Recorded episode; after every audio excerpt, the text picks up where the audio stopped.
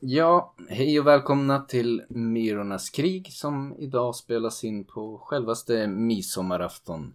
Bakom micken sitter Björn och även... Erik. Ja, eh, ja vad säger du Erik? Hur har du firat din midsommarafton i år? Jag inledde min midsommarafton med att jag jobbade natten till idag på förlossningen framför allt. Det föddes en del barn. Jag fick sova några timmar och sen var det som eh, upp igen och göra gubbröra. Jag har varit bortbjuden på sill och vi har firat med ytterligare sill och nubbe här Ja. på balkongen. Väldigt fint väder idag.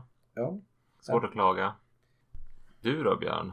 Jag kan väl inte klaga heller. Det har inte varit några stora firanden så. Min sambo skulle ju jobba natt så vi hade inte gjort några jättestora planer. Men har städat en del, varit och handlat och sen har jag druckit lite öl och suttit på balkongen och druckit nubbe, käkat sill. Det är ganska anspråkslöst men det är arbetsdag imorgon igen så vi tar det väl ändå ganska så lugnt. Oh. Hur känner du? Har du några planer för sommaren annars eller är det bara jobb på agendan? Jag ska jobba, ha hand om en bebis en del på fritiden. Vi spelar lite Conan Exiles nattetid. Ja. Det blir väl lite sömn. Eh, men jag tror att det kommer bli jobb fram till slutet på juli. Sen blir det semester och då blir det någon liten, vi har hyrt en stuga utanför, över på Höga Kusten. Mm. Eh, som vi kommer åka till eh, några dagar. Och sen Örebro, där mina föräldrar bor och jag kommer ifrån. Från Ja. början. Kanske att vi åker iväg på någon stugvistelse i Skeppsvik eller ute i havet. Det, det du har. Jo, men jag hoppas verkligen det. Det är väl närmast på agendan för mig i sommar. Jag ska hjälpa farsan att angöra en brygga.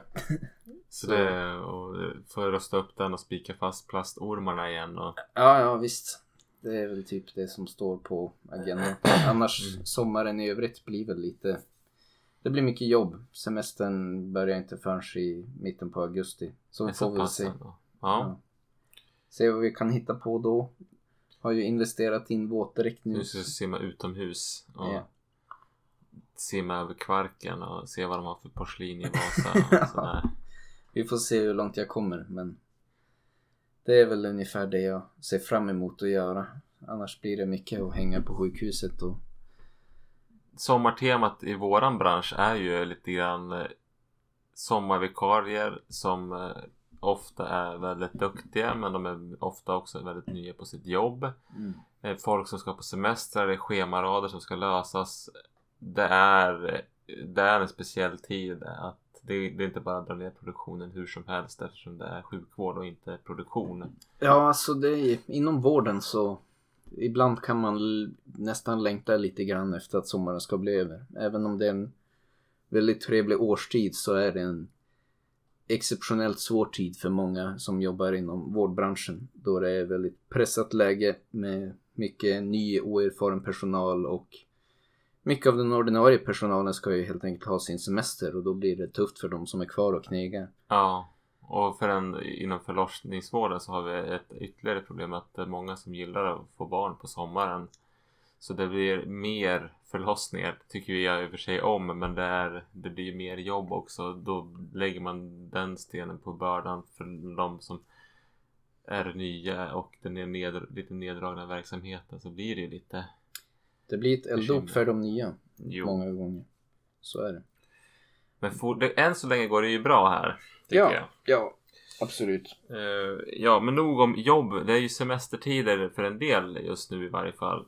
Och eh, det, vi tänkte väl att vi skulle ha prata lite mer om somriga filmer och semesterfirande filmer på något sätt. Mm. Eh, vi hade i alla fall tur med vädret. Är väl inte riktigt inom den genren vi eh, håller oss i idag även om jag tyckte den var, det fanns någon scen när han ramlade ner från husvagnstaket som var väldigt otäck när jag var liten. Inte så otäck idag. Nej. Nej, fokus blir väl ändå skräck, men vi ville titta lite närmare på om vi kunde hitta ja, men lite somriga skräckisar och se och diskutera lite grann vad, vad som utgör en sommarskräckis egentligen. Ja, vi, kom, vi började faktiskt med att se trailern till Midsommar. Alltså den heter, det är eh, regissören till Hereditary som har gjort den. Och eh, den är väl ganska hypad och den heter Midsommar på originalspråket kan tilläggas. Mm. Och den utspelar sig i Sverige. And don't forget about all of the beautiful Swedish women you meet in June. Ja, vi hade väl någon tanke om att vi kanske skulle se den här filmen innan vi spelade in avsnittet men logistiken tillät inte det tyvärr. Så Ja, den filmen kommer ju i juli. Kanske kan vi göra så om vi gör ett miniavsnitt att vi ser den här på bio och sen så ger vi den en ordentlig rant Ja, efteråt. ja, då kanske man kan prata om den mer. Men vi vill i alla fall, om vi nu skulle hålla oss till det här sommartemat så kändes det bra att vi kunde få det här inspelat och låta det landa ganska nära midsommar då vi spelar in i alla fall. Så att Ja. vi får återkomma om den filmen. Men, vad säger du om trailern? Ja, det känns intressant. Lite grann som jag tyckte när jag såg trailern att det, det var svårt att känna att jag kommer bli skrämd av den här filmen. Där det var, det kändes som att de spelade på att saker som för oss är ganska fjantiga och ganska normalt och det liksom hör till midsommar är liksom saker som man spelar upp som att det ska vara så här otäcka De dansar runt midsommarstången och vi förknippar det här med små grodorna. Ja, Men- precis. Det skulle vara liksom någon otäck ritual ungefär. För att de utomstående. Och för oss kanske det, det kanske vi kan bli otäckt men det kanske är just för att vi tänker på små grodorna så blir det löjligt. Ja, man får se. Sen i och för sig, jag tyckte, jag känner visst förtroende. Jag tyckte ändå Hereditary var ganska bra. Så jag hoppas att de kan göra den svenska liksom mytologin och hela den biten rätt, rättvisa. Men Och att de får till miljöerna så att det känns trovärdigt för en Mm. svensk. Men det kan man ju inte kräva för det är ju, det, vi är ju bara en pytteliten del av den förväntade publiken. mm, Eh, jag tycker att det som jag kände när jag såg Her- Hereditary trailer första gången för länge sedan var att ja, men det här är en ganska så här snygg, snygg, snygg film. Mm. Att det är som snyggt med färger och det är liksom bra foto och sådär. Och sen så förstörs lite grann och, och, och det blir som en sån generiska trailer-grejer som finns i alla trailers eh, av, i skräckgenren eller många trailers som eh, ju hände med Hereditary och sen så var filmen mycket annorlunda och man känner samma sak med Midsommar. mm. Förhoppningsvis så kan den här filmen bli lite bättre än trailern. Vi har ju sett någon annan enstaka film som utspelar sig i Sverige. Eller alltså när det är en utländsk regissör som ska skildra svensk kultur. Och jag har väl en viss oro. Det blir alltid lättare som svensk att man sitter och kan liksom syna all bullshit i sådär. Det finns alltid så här nyanser och detaljer i kultur som är, kan vara svårfångat för en utomstående. Där man själv liksom, vi tittar på en del andra utländska skräckfilmer som vi kan tycka är jättebra men där man, jag kan också sitta med samma tanke och undra vad en person från den här kulturen som nu skildras skulle tycka om det här. Och att det kanske kommer finnas sådana aspekter som man stör sig på i filmen. Att det känns ex- exotiskt för en stor del av publiken men för de som bor i det här där det inte är så exotiskt så blir det snett. Ja, precis. Eh, lite det problemet var det i The Ritual som jag tycker var bra men där tycker jag egentligen det största problemet var inte mytologin i den filmen. Jag tycker det funkade. Mm. Problemet jag hade var ju den här naturen. Ja, men vi är i Sarek. Ja. Och så ser man att det är helt uppenbart inte inspelat i de svenska fjällen. Nej, och det skulle vara liksom någonstans ändå som jag förstod kring sommartid och det var liksom helt kolsvart på natten.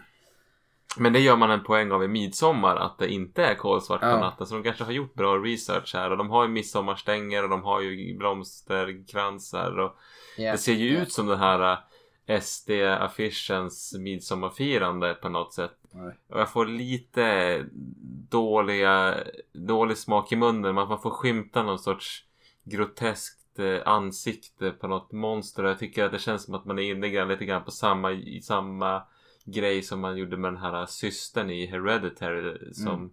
också hade, var, hade ett groteskt utseende. Att, men är det här din gimmick? Mm. Eh, Men eh, det blir spännande att se. Nog om det. Fortsättning följer på det spåret kanske.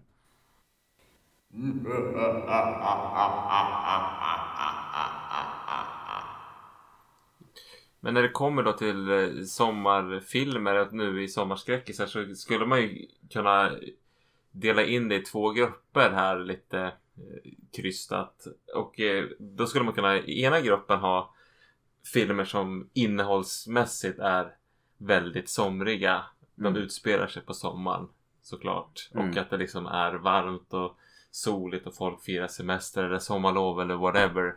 Är på sommarläger. Och sen en mer personlig eh, grupp med filmer där som det, det här med alltså, vad, vilket kontext man såg filmerna eller liksom sådär vad var det att de är väldigt somriga för att jag förknippar det med att det händer någonting på sommarlovet. Det känns som sen- att det är ofta också en, lite av en generationsfråga när det kommer till den typen av sommarfilm. Att eh, säkert sommarfilmer för oss och i viss mån till och med dig och mig då vi är lite olika gamla kan vara lite olika för Ja. att det liksom Det krävs att man var på rätt plats vid rätt tidpunkt på något vis. ja. Men jag tycker vi gör så här. Vi leker en lek här. Att vi gör som en... Jag, vi har kollat upp några filmer. Vi kommer inte dra igenom alla sommarfilmer som finns på IMDB och Svensk filmdatabas. Utan vi som lite snabbt gjorde en lista här med olika filmer som andra betraktar som somriga filmer. Och så kan vi säga vad vi tycker Mm. eh, om dito filmer. Vi har The Thing. The Thing spontant där kan jag säga absolut inte. Det är en, väl för mig eh, personligt en väldigt klassisk film. Det är en, en genre som liksom tangerar lite H.P. Lovecraft och en typ av skräck som jag väldigt mycket tycker om. Men eh, det har ju som aldrig haft någon sommarkoppling för mig överhuvudtaget. Det är liksom antarktisk och iskallt och I don't know man. Men den här eh, som listade, på, som hävdade att det här var en sommarfilm så ja men det, är ju, det måste ju vara sommar eftersom det är ljust. På eh, nord, nej sydpolen är det väl. Ja. Men eh, det är ju så otroligt osomrigt och jag har för mig att det är liksom lite grann på gång att skifta årstid. Så nej Mm. den tycker jag vi stryker från somrigt och den är jävligt kall och man fryser ihjäl. Bra film däremot. Jävligt bra film. Den Mm. kommer vi prata om senare avsnitt.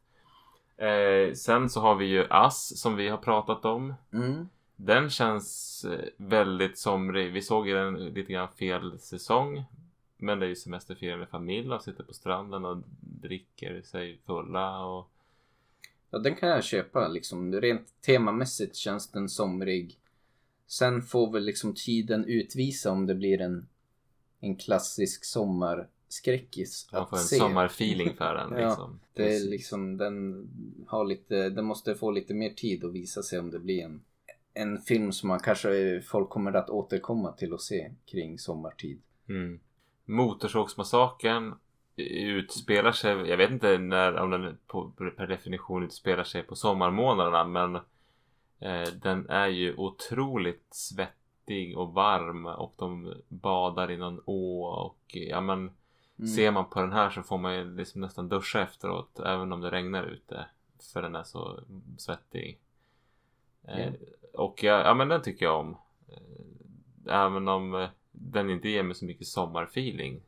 Jag har aldrig haft någon särskild sommarkoppling personligen till filmen men jag kan köpa, jag kan köpa den på en lista över sommarskräckis som jag... Men det kanske skulle vara kul att se om det blir en sån här supervarm sommar. Alltså bara sitta på ett liksom eh, dåligt luftkonditionerat rum och det är varmt. Och man har varit ute och liksom svettats en dag. Och så sätter man sig och ser den här och ja. Ja men det, då tror jag man skulle kunna få det impregnera sig med, med lite sommarfeeling för den här Mm. filmen. En Eh, film som är med på listan här som jag, vi pratade om tidigare också själva som exempel och det är ju fredag den 13. Jag vet inte jag köper det 100% liksom men jag har själv aldrig varit en sån unge som liksom for på typ sommarkollo. Nej. Så att jag har inte den personliga kopplingen till det men jag kan förstå. Nej, det kanske är en större grej i USA. Jag har aldrig heller varit på kollo. Det finns ju fortfarande kollo i Sverige. Mm. Eh, Men nej, det där. Men samtidigt så har jag ju. Jag kommer ihåg att jag någon gång i högstadiet såg Fredag den 13 del 8 på ett sommarlov. Så det finns ju för mig ändå lite koppling. För att man på sommarlovet var det lättare att kunna se filmer sent på kvällarna när man kunde sova på Mm. morgnarna.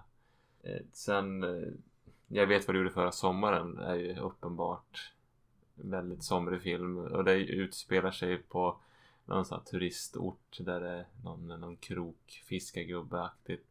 Just det. Eh, ja men den funkar väldigt bra som en sommarfilm.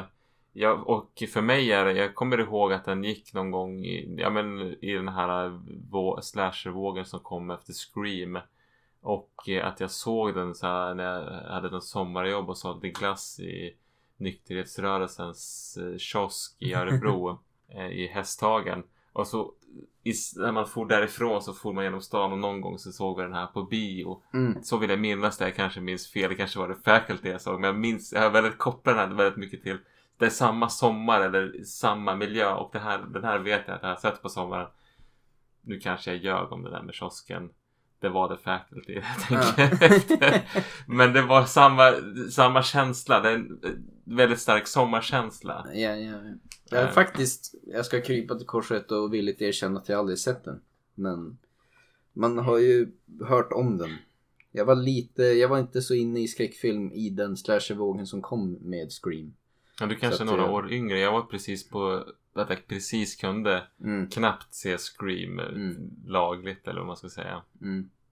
Så att de är lite, lite före min skräckfilmstittartid i alla fall, så kan man väl säga. Sen har jag aldrig riktigt sett någon anledning att återbesöka det i vuxen ålder. Men det kanske kommer något tillfälle om man ska för, förkovra sig mer i slasher-genren och få beta av de där filmerna också. Ja, ja, det skulle vara kul att återvända för jag har inte sett den filmen sen jag såg den på bio och har vi något mer som man skulle kunna Cabin in the Woods är ju förstås den kommer jag ihåg att jag såg en sommar 2012 kom den väl och det var så här jag jobbade väldigt mycket på ett jobb och jag bara det kändes som att jag hade inte tid till någonting annat men jag bara, "Nej, men jag måste gå och se den här för att känna att jag inte ägs av jobbet. Mm. Eh, Så gick jag med en kompis och det var Den känns ju inte så jäkla somrig egentligen tycker jag. Den, för att den är som En stuga i skogen kan vara när som helst spåret på något sätt. Så just Men den utspelar sig i en somrig miljö så fine. Ja, fair enough. Liksom jag kan väl möjligtvis köpa det. Personligen såg jag den mitt i vintern. Sen är den ju som så weird och meta på något vis i sin story så att det finns inte egentligen så mycket sommarfeeling över det. Det tycker jag egentligen inte. Nej, Men eh, okej då. vi köper det. Får väl gå. Ja, eh, sen eh, skulle man väl kunna säga Children of the Corn, det är ju lite skördetid. Det är ju lite... Det känns ändå hyfsat varmt i den där filmen.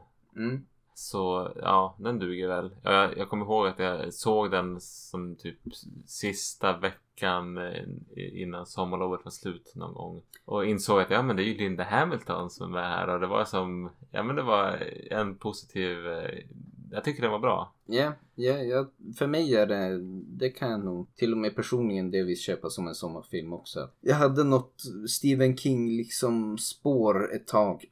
Och det var någon sommar då jag var sjuk mycket då jag både såg den filmen och jag såg Pestens tid och jag betade av en hel radda med Stephen King filmer så att de har fått som en Det, lite sommarfeeling för ja, mig personligen. absolut. Ja, men, och, och nu kommer vi som nästan osökt in på den andra kategorin sommarfilmer. Ja, För sant. Pestens tid är ju kanske inte en sommarfilm men jag kommer också ihåg att vi såg den med lite olika, på olika sätt. Du såg den med att du var sjuk på sommaren mm, och betade av den. Och jag kommer ihåg att jag såg den med min kompis Arvid något avsnitt precis så här innan, någon vecka innan sommarlovet. Och då är det, kan man känna mer sommar, intensivt sommarkänslor. Det är som sirenerna blommar och ja men det, i den miljön så då var det en väldigt stark förknippande till sommaren. Jo, nej men det tror jag att för mig är väl det som känns som mer av sommarskräckfilmer är det här som man har den här personliga kopplingen till. Ja. Ja men för mig är det ju It är ju också. Den gick som miniserie på TV4 någon gång där på 90-talet. Jag kommer ihåg att vi såg den där och jag är nästan säker på att det var på sommaren. Mm. Eh, och det spelar egentligen inte så stor roll om jag minns rätt. Bara jag känner att det är sommaren i minnet så blir det ju somrigt. Eh, men jag, jag, är nästan säker på att det är så. Mm. Eh, och det var ju mycket så att SVT sände ju en del skräckfilmer sent på kvällen. Så gamla svartvita som Den osynliga mannen och Monster från den svarta lagunen och eh, allt vad det nu hette. Eh, någon sommar och då förknippar jag liksom sommar med skräckfilmer mer och att de här filmerna egentligen inte är så somriga nödvändigtvis. Mm. Men får den stämpeln av någon annan gång när vi var i en sommarstuga på Gotland eh, och då sände någon, någon varulvsfilm där det var någon stackars präst som vart, förvandlades, tror jag det var. Och sen så upp, vart den stora revealen att han blev, han blev skjuten och så fick man se ärret. Mm. Eh, någon på dagtid. Den som vet vilken film jag pratar om kan ju gärna höra av sig till mig. För jag kommer inte ihåg vad den heter och det skulle vara kul att se om den. Möjligen. Varulv, präst som blir skjuten. Let us know. Och jag har för mig att det är ögat. Men det kan jag blanda ihop med The Blob. För det är någon som får en ögonskada i The Blob remaken från 88. det har gått 25 år sedan Ja, dess. Nej men jag tror, jag kan tänka mig också för många är som barn i alla fall så är kanske ofta sommaren en tid där de flesta får sina tidiga exponering för skräckgenren. Det är liksom övernattningar hos kompisar, man för ut och kanske är själv i stugan för första gången och där det var liksom lite farligt och förbjudet så var det liksom då som många kanske första gången hade sin debut när man liksom hade snikat med någon skräckfilm ut i stugan och kunde se när inte föräldrarna visste om vad man skulle titta på typ. Ja. Som gör att det kan ha en lite speciell koppling för många. Och det blir väldigt starkt nostalgiskt då. Så det blir ju extra starka färger i minnet. Mm. Eh, Sen så gjorde vi ju liksom en, en jag kan tänka mig ett besök i din eh, nostalgihylla när vi var i eran stuga där ute på den där ön. När vi såg, vi skulle se någon film på datorn och så funkade inte datorn och så fick vi liksom krypa till korset och ta en VHS Ja, som ja, fanns visst. där. Vi har ju våran stack med VHS ute i stugan och där, ja som vi pratade om lite grann innan sommaravsnittet också, att där har jag lite grann mina väldigt personliga sommarfilmer och där i den högen finns bland annat eh, Lammen tystnar-filmerna, eller jag tror Lammen tystnar och Hannibal. Och det har som blivit för att man har inte så mycket att välja på. Det är ganska spartansk stuga, en gammal VHS, inte så många videos att välja på. Så väldigt ofta när man har varit i stugan på sommaren så då har det blivit det man har kollat på. Och en annan sån som lite grann känns lite sommartema-aktig också det är ju Storm of the Century med Stephen King. Som har känts så klockren att titta på ute i stugan. Men för varför är det sommartema? Den är ju, den är ju väldigt frostig tycker jag. Ja, i och för sig. Men det är väl ändå... Jag är lite osäker på vilken säsong det är. Men de är liksom ute på en ö. När man har varit ute i stugan på sommaren då så har man varit ute på en ö. Och... Och det här är en pytteliten ö. Man går ju runt den på en kvart. Ja, ja, inte. Men, ja, så det är ju det är en bra känsla. Ja, men återgå till uh, Storm of the Century. Jag är fortfarande inte med på att en sommarfilm eh, Nej, jag vet att För mig är det inte nej, det. Nej, jag kan... Jag kan köpa att det är nog ganska personligt. Men det är personligt också till platsen. Att eh, man är ute där lite isolerad ute på ön och ser en film om folk som är isolerade ute på ön. Och man har ju varit med om vissa somrar där också, så här sensommarkvällar när det drar in liksom en tjock dimma från Östersjön och då känns det jävligt rätt att titta på en film som Storm of the Century. Så då blir den, eh, så då blir den präglad av att ja, men, du är visst på den där ön i stugan som är, är sommar. Ja, verkligen. Absolut.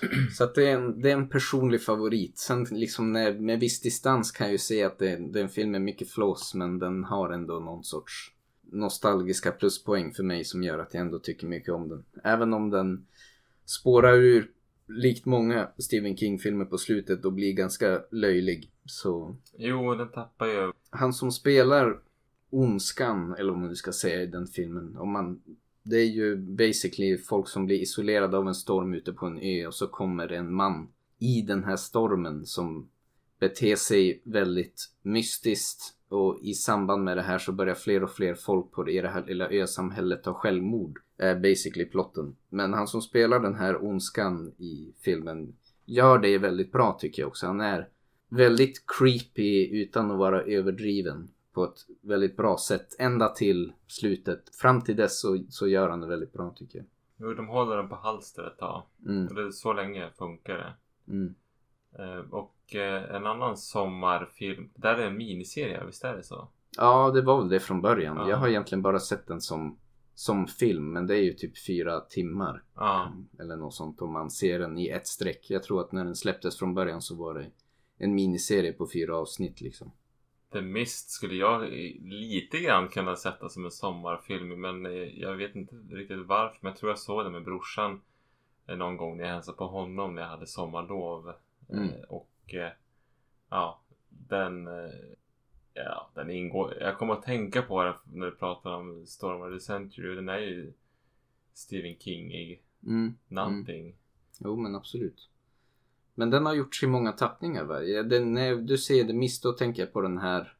Eller ja, de slutar väl på samma sätt allihopa. Men jag har fått, vilk, visst finns det någon från någon gammal variant av The Mist också? Eller? Det finns en The Fog. Som är Mm. John Carpenter spökfilm. Ja just Som det. kanske också kan klassas som en sommarfilm innehållsmässigt. För det är någon Ja. fiskort, eh, finns turister.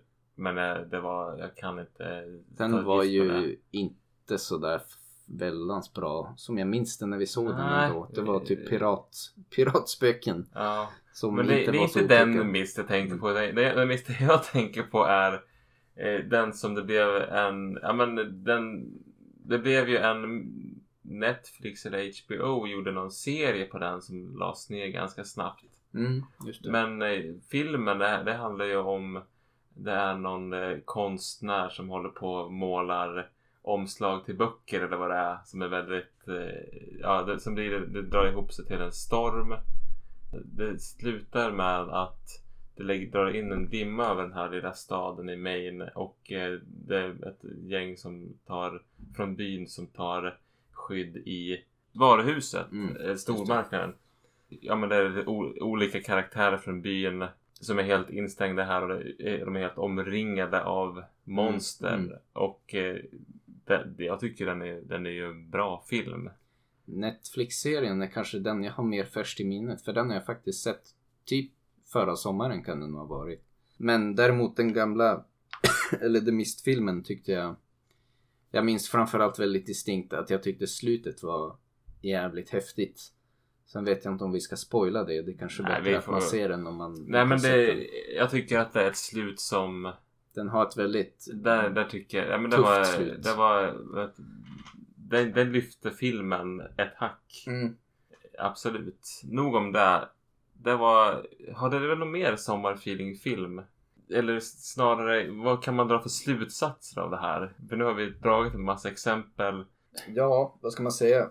Jag tycker att sommarfilm, jag tror att det är något ganska personligt ändå. I alla fall som jag ser på det själv så. Sommarfilmer för mig personligen är nog liksom, det, det personliga är viktigare än temat liksom. Det kan säkert vara som till exempel The Thing som vi berörde att det kanske är en sommarfilm för många. Det kanske när det begav sig var en film som släpptes kring sommaren och blev en stor hit då och därför tycker folk, en del folk att det är en väldigt klassisk sommarfilm även om jag inte ser det själv så jag tror att det är liksom den, den nostalgiska kopplingen är mycket viktigare än faktiskt somrigt tema. Mm. Kind of. Ja men jag tror det är väl den eh, slutsatsen man kan dra. Det säger väl och, och det, det här kan man ju också säga om mycket annat när man får en väldigt här, stark känsla för en film. Att det, det, bör, alltså, det har inte alltid så himla mycket med innehållet att göra även om det kan hjälpa till. Utan det är också lite grann nostalgiken i en vad, liksom, vad man kopplar ihop filmen med för tillfällen man såg den och eh, ja men var det en sån här regnig sommardag och det var varmt och det luktade nyfallet regn och så såg man på It. Ja, men och så blir då, väldigt, då blir det ju väldigt starkt somrigt. Det är de där filmerna som kan väcka de känslorna igen som blir ens egna sommarfilmer. Ja, Och det kan nog vara ganska personligt och ganska generationsbaserat vad som faller in i den kategorin. Ja, och, och jag, jag tror liksom att filmindustrin eller ja, tv-industrin har väl lite grann slagit mynt på den här känslan. Jag tycker Stranger Things har lite det där. Ja, absolut. Jag, jag var ju inte någon som såg E.T. när jag var liten eller Goonies eller de där grejerna. Jag har liksom ett... Men det var svårt att växa upp på 80-talet utan att ändå måste förhålla sig till det. Jag menar, jag mm. såg affischerna och, och eh, har sett klipp från filmerna. Så det är vissa filmer som under vissa perioder har en ett så stort genomslag. Och nu är vi, vi 80-talister köpstarka. Så nu kommer Summer of 84, Stranger Things. Yeah. Eh, till viss del är väl It Follows också lite sån här för 80-talare nostalgi. Kanske inte så himla mycket. Mm. Men det finns ju de Stranger Things och Summer of 84 tycker jag väl är klockrena exempel på det här när man man vill väcka den där känslan till liv och på, det, på så sätt liksom få folk att tycka om filmen mer och kanske mer än vad den på många andra sätt förtjänar. Men jag vet inte, Stranger Things har jag bara sett några avsnitt av och tyckte det var helt okej. Okay. Jag gillade det där. Jo, nej men jag tyckte det var bra. Och, men jag inser ju att det, är liksom en, en, det finns en nostalgisk nivå i det som gör att jag kanske tycker det är bättre än vad det objektivt sett är. Jag vet inte riktigt hur jag ska säga men det är väl när du pratar om köpstarka 80-talister känns det ju ganska tydligt i biobranschen nu också att de gör ju remakes på alla de klassiska filmerna från perioden på löpande band nu med mm. Djurkyrkogården och Child's Play och ja, allt vad det nu är. Det kommer säkert mera också. För att det är liksom, ja, det... Det, det... är oss de caterar till. Det är våran nostalgi de caterar till nu. Ja, och sen så är det som att det, jag blir lite less. Det känns inte så kreativt. Ja, men det ska vara BMX och walkie-talkie som man springer och spionerar och det är yeah. t-shirts på med 80-talsband och det är affischer med 80-talsreferenser och bara, men var det verkligen så här på 80-talet? Mm, mm. det, det, blir lite, ja, det känns lite trött nu. En sak som jag tycker är bra med den här vågen, som, eller som jag gillar väldigt mycket, så får du säga emot mig men jag tycker väldigt mycket om att det är mycket matigare, varmare färger i, i bilderna i mm. många sådana här filmer. Jag tycker det syns lite grann i Hereditary och Midsommar. Mm. Men eh, i Stranger Things så i, att det liksom inte är så jäkla kalla färger. Det, det är någonting och det tror jag är, för att det är lite mer filmlikt, inte så digitalt likt. Jo. Även om det är digitalt foto så. Och det, det står an en sträng hos mig som lite bra ändå. Ja, yeah, yeah. det, kan jag, det kan jag hålla med om. Det finns också i Ass tycker jag. Och den filmen tror jag lite grann problematiserar just den här nostalgivågen. Mm. Eh, är det här eh, barnet som har en hm tröja med Jaws. Mm. Eh, och mm. att man liksom slår mynt på de här eh, känslorna hos folk. Ja men absolut.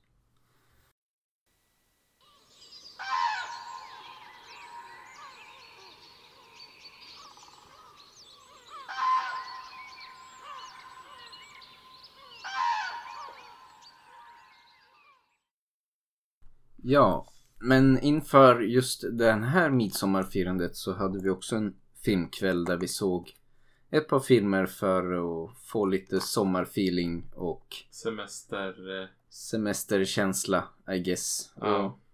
De filmerna som vi valde ut att titta på inför denna midsommar var ju då Burnt Offerings från 76. Från 1976 och så tog vi också och såg om på superklassiska sommarfilmen Jaws. Hajen. Hajen alltså. Eh, men vi kan ju, jag tycker vi börjar snacka om Burnt Offerings för den kändes som mer spännande att se eftersom jag aldrig hade sett den förut. Ja men det var ju någonting nytt. Men ja. som definitivt hade sommartemat going on. Ja och vi kan ju ta en liten summering av den. Den som sagt gjord 1976. Den svenska titeln är Hyreskontrakt med döden. och den är ganska beskrivande. Det är en amerikansk medelklassfamilj som ska hitta ett ställe att bo på sommaren och fira semester och koppla av. Mm. Så de hyr ett, ett ganska stort gammalt hus eh, typ. till ett eh, orimligt lågt pris. Ja. Och eh, tar med sig, ja men det är ett, eh, mamma, pappa, ett barn och sen så tar de med sig pappans faster som är en väldigt viktig person för honom mm. i livet. Hon var väl viktig i uppfostran av honom när hans mamma hade dött. Och det här orimligt låga priset för huset kommer ju också tingat av att de eh, förväntas ta hand om en äldre dam som bor i huset som är väl typ mormor tror jag åt paret som äger godset. Som Något de hyr, hyr Ja. godset av från början. Det är liksom ett äldre syskonpar. Det, det är mormor eller deras mamma. Ja men det är någonting och någon som är, är orimligt gammal för att leva egentligen får man Mm. känslan Mm. av. Och eh, ja, de ska väl ta hand om henne lite grann, ge henne mat. Hon är, lämnar det till Ström så ofta. Och de ska liksom ta hand om huset. Mm. Det börjar väldigt härligt. Jag tycker den eh, filmen den börjar som ganska långsamt med att bygga upp en ganska skön sommarkänsla. De badar i en pool och de håller på och fixar. Jag tycker eh, Oliver Reed som är spelar pappan här han gör sin roll ganska bra för att han har jag får verkligen en så ganska varm känsla i hans relation till sonen Mm. eh, i han, och hans relation till fasten som är spelad av Betty Davis som man känner igen från eh, Whatever Happened to Baby Jane och lite andra filmer men framförallt den som jag tänker på hon, hon har ett speciellt utseende och spelar här en ganska rivig härlig faster tycker jag. Mm. Men de etablerar en ganska bra eh, känsla att man nu är de på semester. Det är ändå en ganska trevlig familj och de har det ganska bra. Men sakta men säkert då så börjar ju det här förändras. Man kan väl säga att huset påverkar dem. Det känns som, om man skulle summera det utan att säga för mycket så kändes, kände jag lite när jag såg den här som att vi tittade på sommarversionen av The Shining. Ja, li, lite grann så. Absolut, det håller jag helt. Det, det tycker jag är jättebra beskrivning. Det är liksom den här kärnfamiljen. Det är liksom, egentligen så finns det någonting redan från början under ytan i de här karaktärerna som flyttar till huset. Mm.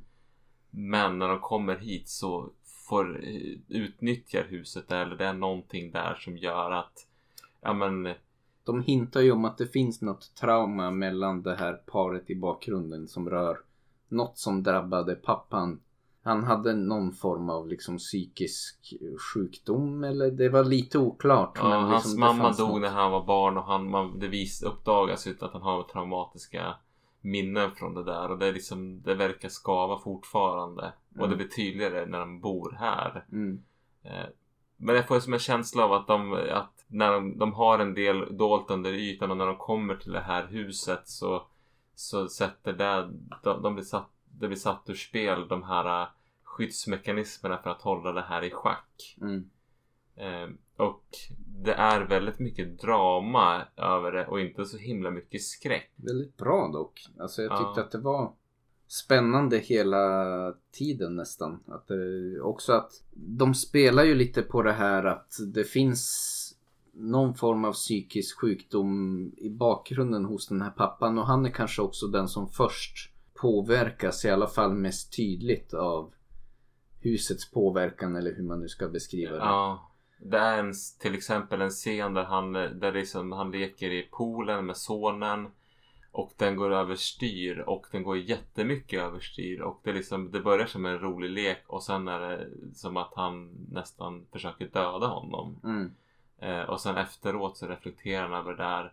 Och sen så någon dag senare så är det också så att han är väldigt så här, de, Han har en väldigt märklig situation i poolen med hustrun som så här de spelar lite där lite så här förförelse men det mynnar nästan ut i att han våldtar henne.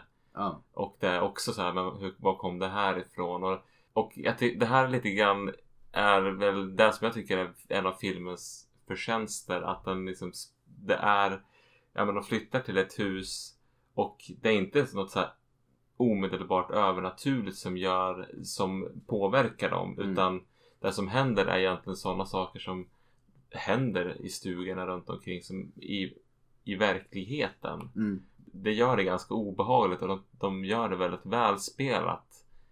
Och trovärdigt. Jag tycker också att eh, frun i förhållandet och hur de skildrar hennes hur hon, vad ska man nu säga, mister förståndet är också ganska intressant. Just att pappans urspel eller när han liksom tappar kontrollen är mer tydligt. Men sen blir det ju också att han mer och mer blir övertygad om att det här är dåligt för oss. Vi måste ta oss härifrån. Och sen blir det också mer och mer tydligt att fruns liksom galenskap eller vad man ska säga också att hon mer spelar på det här att hon försöker spela som att allting är fine. Ja. Hela tiden, även när det uppenbart inte är det. Jag tycker det, men det är också kul om man- skulle så här, se det med någon sorts så här könsrollsperspektiv så kanske det är väldigt bra skrivet eller så är det av en slump det har blivit så att hans sätt att reagera på huset är med aggressivitet på Mm. något sätt. Mm. Och, eh, och sen så är det han på något vis som är lite mer rationell i slutet för att han snabbare upptäcker att vi måste agera, vi måste ta oss härifrån. Medan kvinnan är så här, ja men jag är omvårdande och liksom ansvarstagande och mer eh, sådär att ja men vi kan ju inte lämna den här gamla tanten att svälta ihjäl och Något som de ändå gjorde i den här filmen väldigt bra och som jag tyckte var väldigt intressant och kändes lite fräscht i alla fall för mig. Det var ju hur de det liksom förändrades under filmens gång där det kanske ändå började ganska likt The Shining där man tänkte att okej nu pappan börjar tappa kontrollen mer och mer och spåra ur och kommer bli liksom helt galen.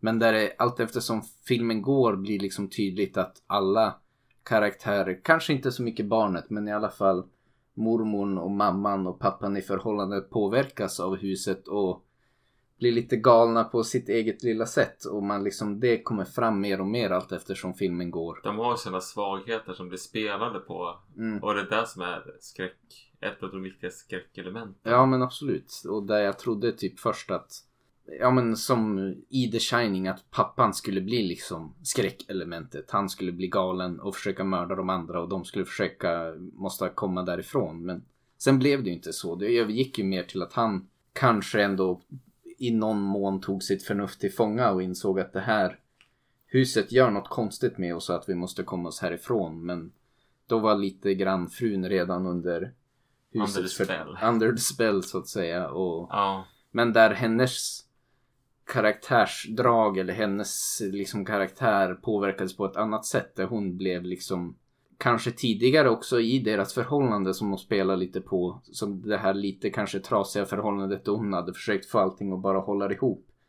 Liksom kör stenhårt på det och trots att allting är helt urflippat liksom spela stenhårt på att liksom allting är okej. det är det- inget problem, vi ska stanna kvar här. Och det är ju lite en del av backstoryn att det här att ja men eh, man, det kommer ju fram till att de har ju varit ihop typ knappt ett år längre än eh, pojken i, i familjen är så det är liksom ja men någonstans håller de ihop för att För Tänk- barnets skull. För barnets skull. Kanske var det en oplanerad graviditet. De gifte sig och de sa men vi måste ju liksom följa konventionerna. Mm. Och att och det är ju det här jag menar med drama. Att det finns, det här tar fram något så här, det finns någonting väldigt allmänt och Mm. det handlar kanske inte så mycket om ett monster utan det handlar kanske mer om i en familj så har alla sina bagage Mm. och så här och så har man bara det här huset som en sorts maskin som katalyserar de här äh, dragen. Ha, vad har vi mer att säga kan- om Burnt Offerings? Jag tyckte det var en väldigt bra film. Jag var, det var ju inte något så här, som du säger, det var ingen jätte... Man hoppar inte till så himla ofta. Nej, det var en spännande rysare. Men det var inte liksom så mycket skräck. Det är inte den här, ja men om man vill gå och se en Conjuring-film så ska man ju inte se den här. Om man säger så. Den har en väldigt tonvikt på den dramatiska skräcken. Det är väldigt, jag tycker det är välskrivna förhållanden inom familjen. Det, det, det känns som en väldigt ambitiös Mm. karaktärsdriven film. Mm. Eh, sen så tycker jag att nu den versionen vi såg av den kanske inte var världens bästa bild. Jag förstår inte tanken med det men det, fotot var ju att de, det kändes ibland som att det var lite suddigt med flit. Mm. Men de har, huset är, det, det skildras bra, det är ganska konstig, förvirrande geografi där inne. Jag tycker också att idén med att så här, ju längre de bor där desto finare blir huset och på ett nästan eh, orimligt sätt. Mm.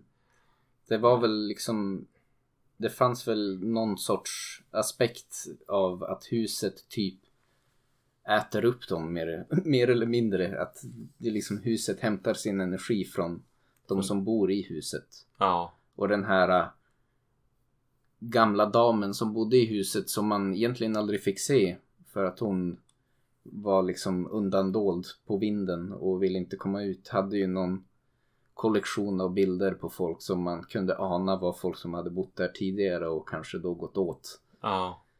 Och det känns inte som en spoiler att vi säger det för det är som det kommer Det introduceras väldigt Det tidigt introduceras som ett väldigt tidigt. En annan sak som jag tyckte var väldigt, som vi faktiskt tänkte på tidigt i filmen. Det var ju musiken. Mm. För det var ju, den var, jag tyckte den var jävligt tät. Musiken var jättebra. Jag upplevde kanske i vissa avseenden att den här i alla fall kusliga musiken som de gjorde väldigt bra var lite överanvänd. Det var i Mm. vissa, De vissa använde det för aspekter. ofta. Ja, som jag liksom är det något på väg att hända nu? Jag vet inte riktigt. Musiken verkar säga det men så var det som och, Och sen så ingenting. blir man lite okänslig för den. Ja, Men eh, ja, det som jag vill hoppa till, se spöken i, i väldigt stor utsträckning och eh, nunnor med monsteransikten och saker som rör sig i skuggorna och sånt där. Spoiler, spoiler. Det är inte så mycket sånt i den här. nej. Utan det här är på ett annat plan. Det känns, det liksom rör sig i gränslandet mellan rysare och typ psykologisk thriller. Men väldigt mycket karaktärsdrivet, dialogdrivet men kompetent. Det var bra gjort. Jag tyckte om den, ja nästan mer med lite distans kring den. Att jag Ja. kan känna att jag uppskattar den väldigt mycket. Ja, den, den är väl så pass valtig att det finns eh, aspekter som håller sig för en e- extra fundering. Jag känner i detta ögonblick kanske att det är ingen film jag kommer se om de närmaste åren. Den var inte spektakulär men den var kul att se och ha snackat om. Ja, och det kan nog stämma. Och sen känner jag också, det ligger kanske i fatet att när det är mer karaktärsdrivet, mer dialogdrivet, mer relationsdrivet så blir det också en film som åldras bättre än om det förlitar sig mycket på effekter och jump scares och den typen av skräckelement som ligger den i fatet. Så när det ändå är en ganska gammal film men den För då kan det Den är ganska inte kuslig. funka så bra. Nej. Det, det är risken med att använda för mycket. Ja, den, den funkar idag också. Och den, eh, den är värd att se, tycker jag. And you'll take the place from the 1st of July until Labor Day, and you'll keep the place and you'll tend it. By ourselves, I mean alone. Well, yes. I don't know, with a house this size and, and only my wife, I don't know that we're The going house takes care of itself, Mr. Roth. Believe me. Eh, Det var väl i stort sett allt vi hade att säga om Burnt Offerings. Eh, eh, vad säger du om Oliver Reed i den här filmen? Vilken känsla får du på hans ålder? Ja, skulle jag drista mig till en gissning skulle jag väl säga mid 50s kanske, 55 eller något sånt där. Jag tänkte ju 45-50 och eh, han är vid eh, den här tidpunkten 38 år gammal. What? Två år äldre än vad jag är och inte så många år äldre än Shit, dig heller. det var helt flippat ju. Ja, eh, så han, han passar ju. Först tänkte jag att det här är lite gammal farsa till den där sonen. Ja, det är inte så himla stor åldersskillnad men det är liksom Mm. Han är faktiskt en ganska så rimlig ålder. Han, eh, men eh, vad jag förstår så var Oliver Reed en eh, han hade ett problem med sin relation till alkoholen så han slet nog ganska mycket på sin kropp och när man ser honom i badbyxor så har han lite grann ett sånt, en sån kroppshydda som man gärna får eh, vid ett tyngre missbruk.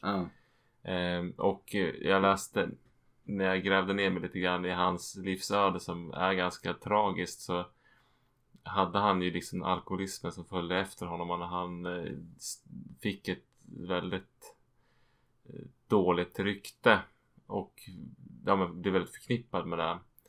Eh, när han spelade, var med och spelade in The Gladiator 1999 så, eh, så var det några värnpliktiga på någon bar där han i närheten av där han spelade in så skulle han gå och supa. Nej, han var nykter. Mm. Och så var han på en bar och där var han som utmanad i en dryckestävling och eh, drack så vansinnigt mycket att han fick en hjärtinfarkt och dog.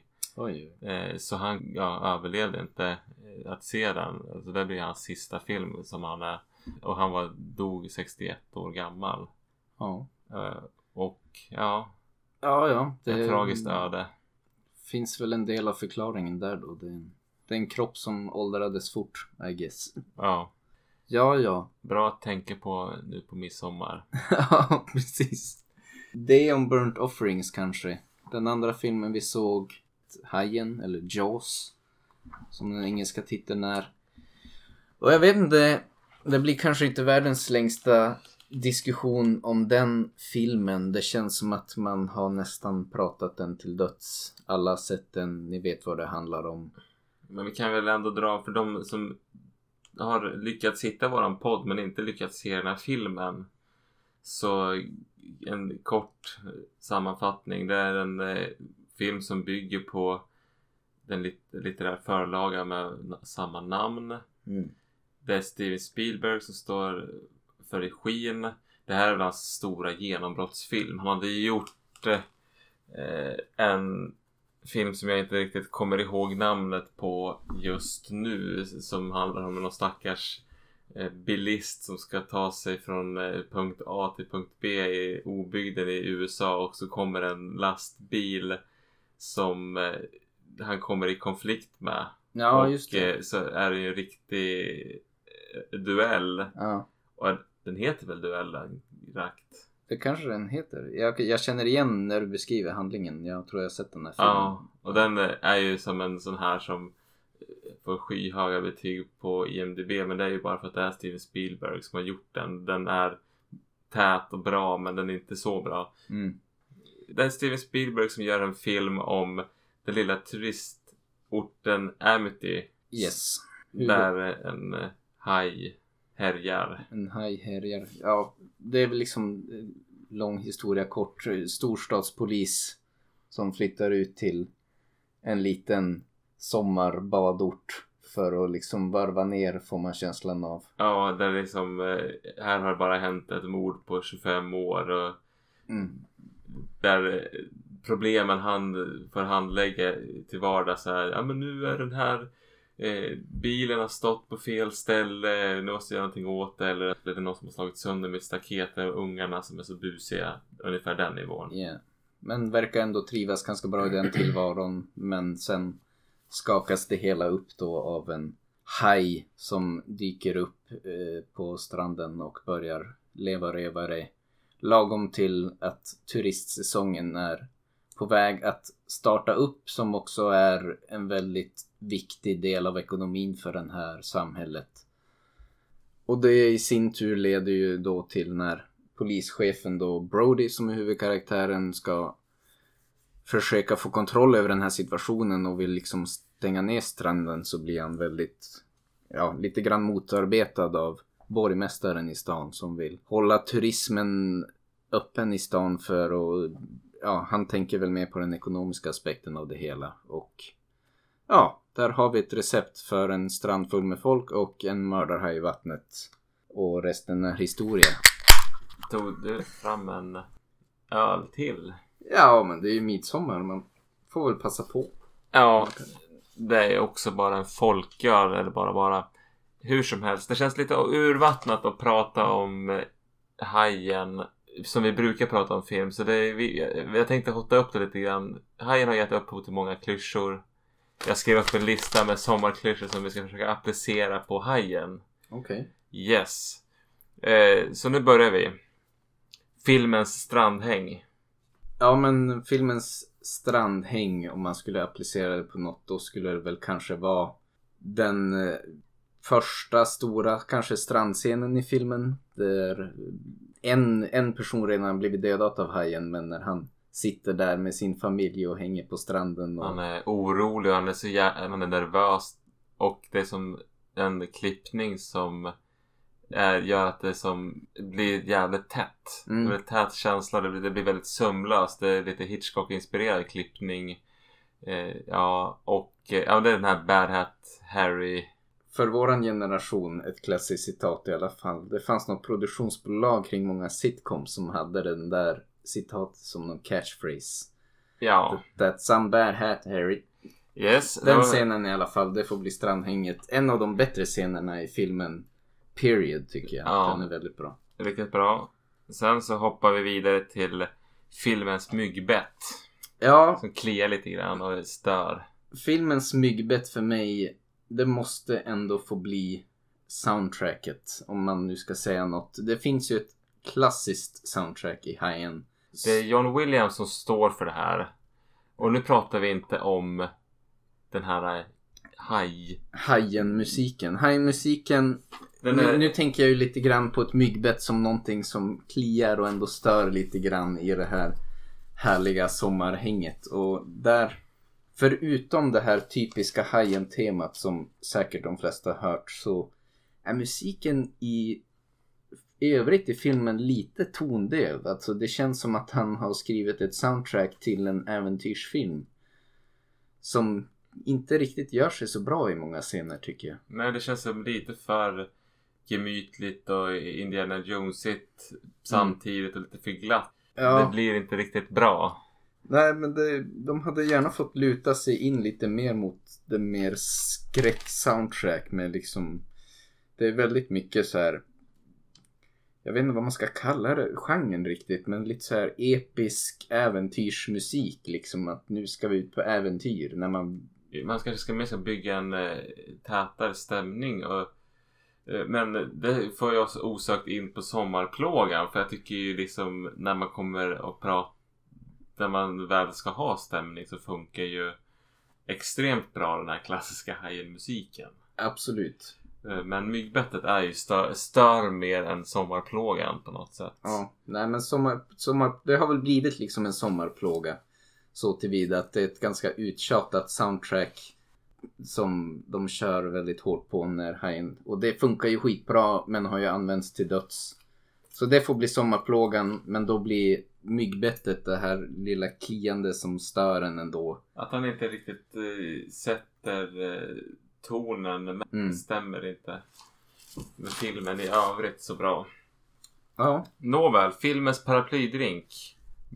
ja den var svårare. Det finns flera tillfällen. Jag har en som jag tänker på när han kommer hem från jobbet och är stressad och så tittar han ut över barnen som leker i sin båt. Mm. Det är en väldigt bra scen. Och frun häller upp en riktig rejäl whiskypinne Mm. och pratar lite grann där inne. Men ja, det finns en annan som jag, jag skulle vilja kalla för filmens paraplydrink. Jag vet inte om du håller med mig.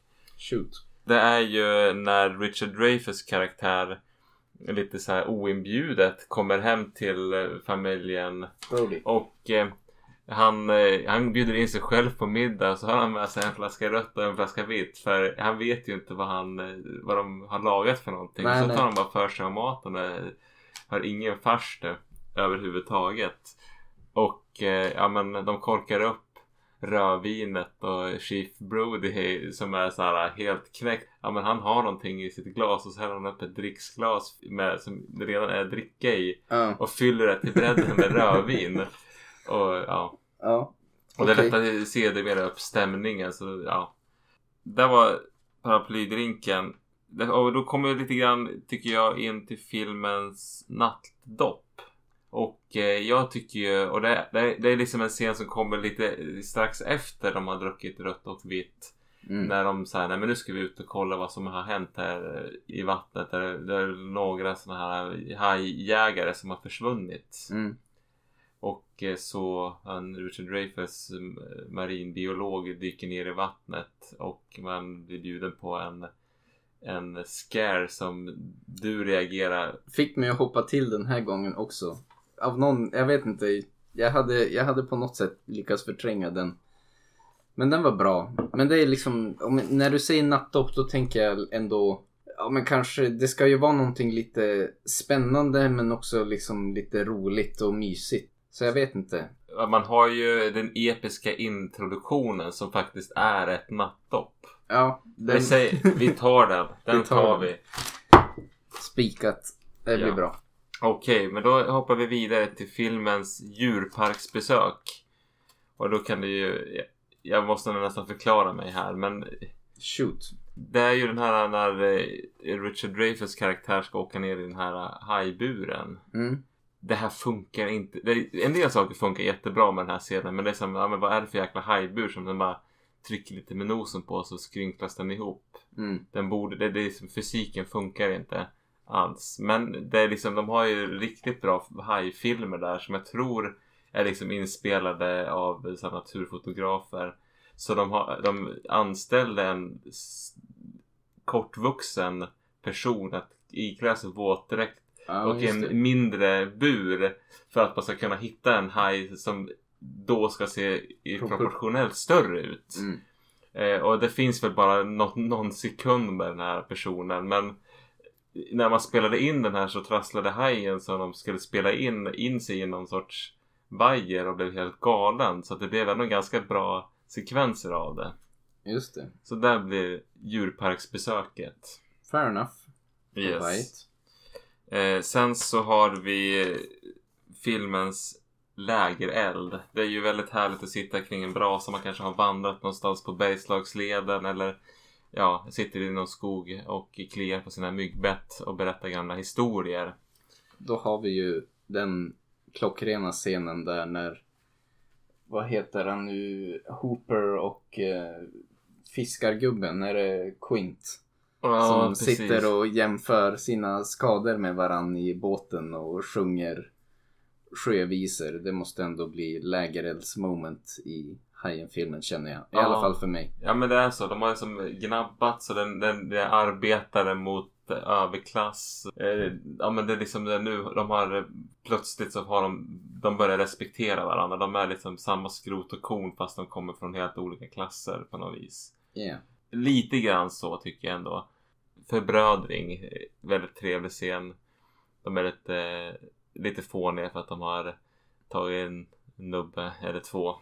Ja, nej men det, det, jag köper det som lägerelds, det är lägerelds moment i filmen.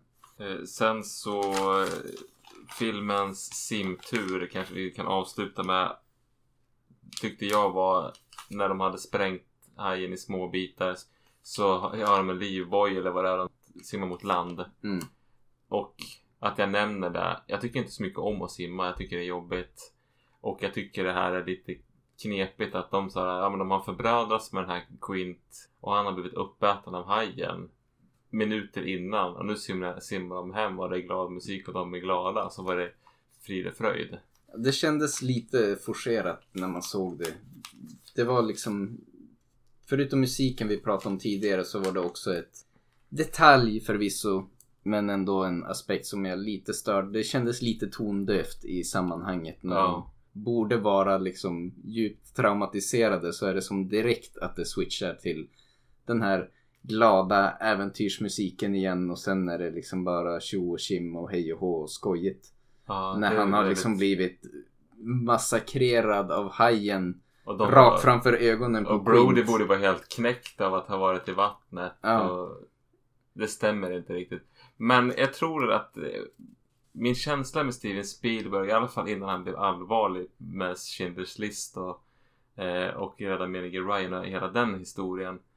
Så tror jag, han, han var ju ganska sprudlande, hans berättarstil var ju väldigt Mm. glättig. Det, det är en, en feeling i hans berättande som ibland kanske är lite för glatt. Jag tycker det i vissa lägen, i vissa lägen funkar det extremt bra. Ja. I Indiana Jones är det ju, tycker jag, att det är det som lyfter Det, men det är klockrent. Det är Men- bara i en, i en film som Hajen, i alla fall för mig I personligen. vissa scener funkar det inte. Ja. Jag hade gärna haft en film som lutar lite mer in i skräckaspekten av filmen och gjorde det mer till en skräckfilm där det mer känns som en ganska så här mysig sommaräventyrsfilm nu med hur de har gjort musiken och med hur ja men tondövt det känns ibland där det blir lite de här mysiga scenerna som kind of funkar men kanske inte riktigt vad jag vill ha ut Det är ur min skräckfilmstittande. Nej, men det här, nu sa vi, vi tar ju skräcken på väldigt högt allvar hörs det här. Men, eh, men man kan ju också se den här filmen som en äventyrsfilm. Men den här är ju för otäck för att man ska sätta en, ett barn och titta på den. För den kommer inte vilja bada på hela sommaren. Så Ja, jag, jag gick nog ifrån Hajen ganska opåverkad men då är jag också Du är en uppväxt, fisk. jag är upp, uppväxt vid havet och liksom uppväxt med att bada och simma och plaska och det... Ja, jag, jag känner mig inte nog oroad för att det ska komma några hajar och käka upp mig. Men jag tycker väl ändå på det stora hela, Hajen står sig absolut som en klassisk sommarfilm. Den är fortfarande väldigt bra. Om man inte har sett den så absolut se den. Den står sig ändå. Det är liksom, nu har vi hakat upp oss lite grann på aspekter som vi har stört oss på men det är ändå ganska små detaljer får man säga i det stora hela. Ja, det vart ju ändå lite snack om hajen här. Det känns som att vi slår in öppna dörrar och tjatar ut redan uttjatade ämnen. Det kanske kan avrunda det här avsnittet. Jag skulle faktiskt vilja avrunda med en sak. Jag har som en sommarplåga i mitt liv just nu och det är skräckfilmsrelaterat men det är musik. Mhm. För några, en månad sedan eller något sånt där så såg jag Dario Argento Tenebre eh, filmen eh, och eh, musiken har jag liksom den på en playlist nu och den, jag vaknar med den på hjärnan. Kan vi inte eh, fejda ut med den eh, härliga dängan? Ja men det blir bra. Vi kan ta och avrunda med den. Vi tackar för oss. Det här avsnittet av Myrornas krig på midsommar. Och vi hörs snart igen. Tack så mycket och hej då. da da da da da da da